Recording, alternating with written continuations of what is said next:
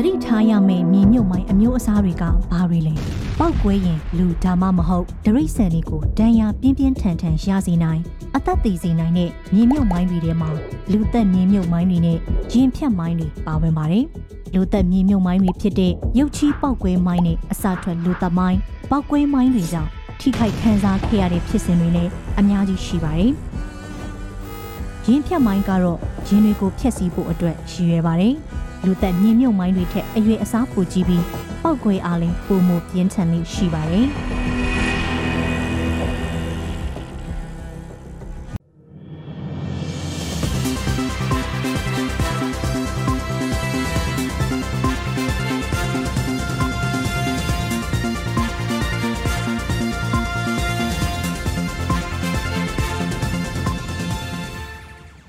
မင်္ဂလာပါရှင်တ နင်္သာရီသတင်းအစီအစဉ်ကနေကြိုဆိုလိုက်ပါတယ်ဒီအစီအစဉ်ကို The World Watch ဝန်တော်သားတွေကစီစဉ်တင်ဆက်ထားတာပါဒီကနေ့တင်ဆက်ပေးမယ့်သတင်းတွေကတော့ကမ်ဘောက်ဒေတာက CDM ဆီယာမတွေဆက်တိုက်အဖမ်းခံနေရတဲ့အကြောင်းမွန်ပြည်သစ်ပါတီကခွဲထွက်လာတဲ့အဖွဲ့နဲ့ NUG တို့ဟာမဟာမိတ်ဖွဲ့ဖို့သဘောတူခဲ့တဲ့အကြောင်းပုံနှကျွန်းမြို့မရဲစခန်းကို AA ကထပ်ပြီးသိမ်းယူလိုက်တဲ့သတင်းချင်းမိုင်မှာထောက်ထားမဲ့မြန်မာတွေပါတဲ့ကားလမ်းဘေးဆိုင်ကိုတိုက်မိပြီး လူထိခိုက်ဒေဆုံးတဲ့အကြောင်းပါဝင်ရွှေနဲ့ထိုင်းဘတ်စီသတင်းတွေကိုနားဆင်ရမှာပါရေပြူမျိုးနယ်ကံပေါက်ဒေသမှာအာနာဖိဆိုင်ရေးလှုပ်ရှားမှုစီရီယာမှာပါလို့အလုတ်ထုတ်ခံထားရတဲ့ပညာရေးဝန်ထမ်းတွေဆက်တိုက်အဖမ်းခံနေရပါတယ်။ဖေဖော်ဝါရီလ20ရက်နေ့မှာကံပေါက်အထကနဲ့မူလွန်လှဲကုန်းက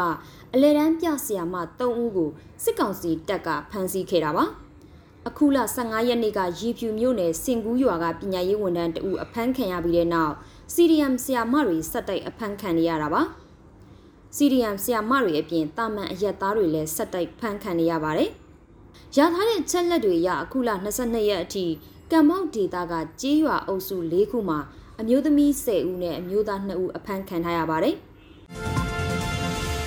မွန်ပြည်သစ်ပါတီစစ်အာဏာရှင်တိုက်ဖြတ်ရေးအဖွဲ့နဲ့အမျိုးသားညီညွတ်ရေးအစိုးရ NUG တို့ဟာမဟာမိတ်အဖြစ်ပူးပေါင်းဆောင်ရွက်ဖို့သဘောတူလိုက်ပါတယ်။တော်လှန်ရေးလုပ်ငန်းတွေကိုပူးပေါင်းဆောင်ရွက်ဖို့အတွက်မနေ့ကသဘောတူလိုက်တာပါ။စစ်အာဏာရှင်စနစ်အပြည့်တိုင်တိုက်ဖြတ်နိုင်ရေး Federal Democracy ပြည်ထောင်စုတည်ဆောက်ရေးတို့အတွက်ခိုင်မာတဲ့မဟာမိတ်အဖြစ်နိုင်ငံရေးစစ်ရေးတန်တမာရေးစတဲ့ကဏ္ဍအားလုံးမှာပူးပေါင်းဆောင်ရွက်ဖို့သဘောတူခဲ့ကြတာလို့ဆိုပါတယ်။ စစ်ကောင်စီနဲ့တွဲဆုံဆွေးနွေးနေတာမထူးတဲ့အတွက်လမ်းတစ်ဖောက်ဖို့ဒီနီလန်းတစ်ကိုလှုပ်ဆောင်ရတာဖြစ်တယ်လို့ဆိုပါတယ်။စစ်အာဏာရှင်တိုက်ဖြတ်ရေးအဖွဲ့ဟာမွန်ပြည်သစ်ပါတီကခွဲထွက်ပြီးစစ်ကောင်စီကိုစန့်ကျင်တိုက်ပွဲဝင်နေတဲ့အဖွဲ့အစည်းတွေနဲ့ပူးပေါင်းပြီးစန့်ကျင်တိုက်ခိုက်သွားမယ်လို့ဖေဖော်ဝါရီလ14ရက်နေ့ကထုတ်ပြန်ထားပါတယ်။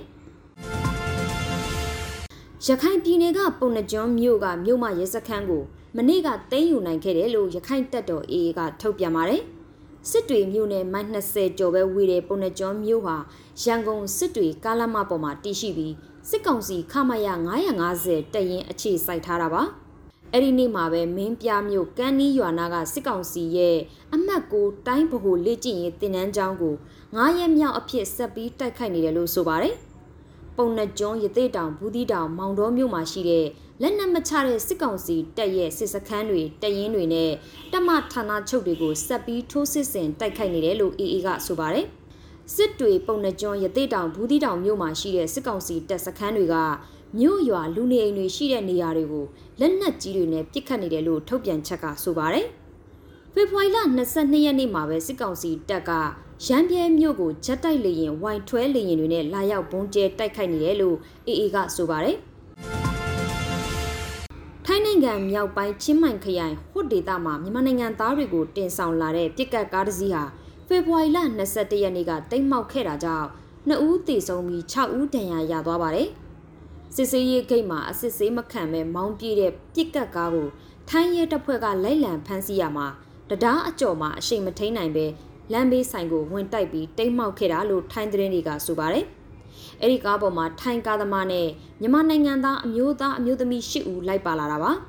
လူငယ်တွေဟာစစ်မှုထမ်းဥပဒေကိုရှောင်ရှားဖို့အတွက်ထိုင်းနိုင်ငံထဲကိုနီးမျိုးမျိုးနဲ့ခိုးဝင်နေကြတာဖြစ်ပြီးထိုင်းဘက်ချမ်းကလည်းလုံခြုံရေးတင်းတင်းကြပ်ကြပ်ချပြီးဖမ်းဆီးနေတာဖြစ်ပါတယ်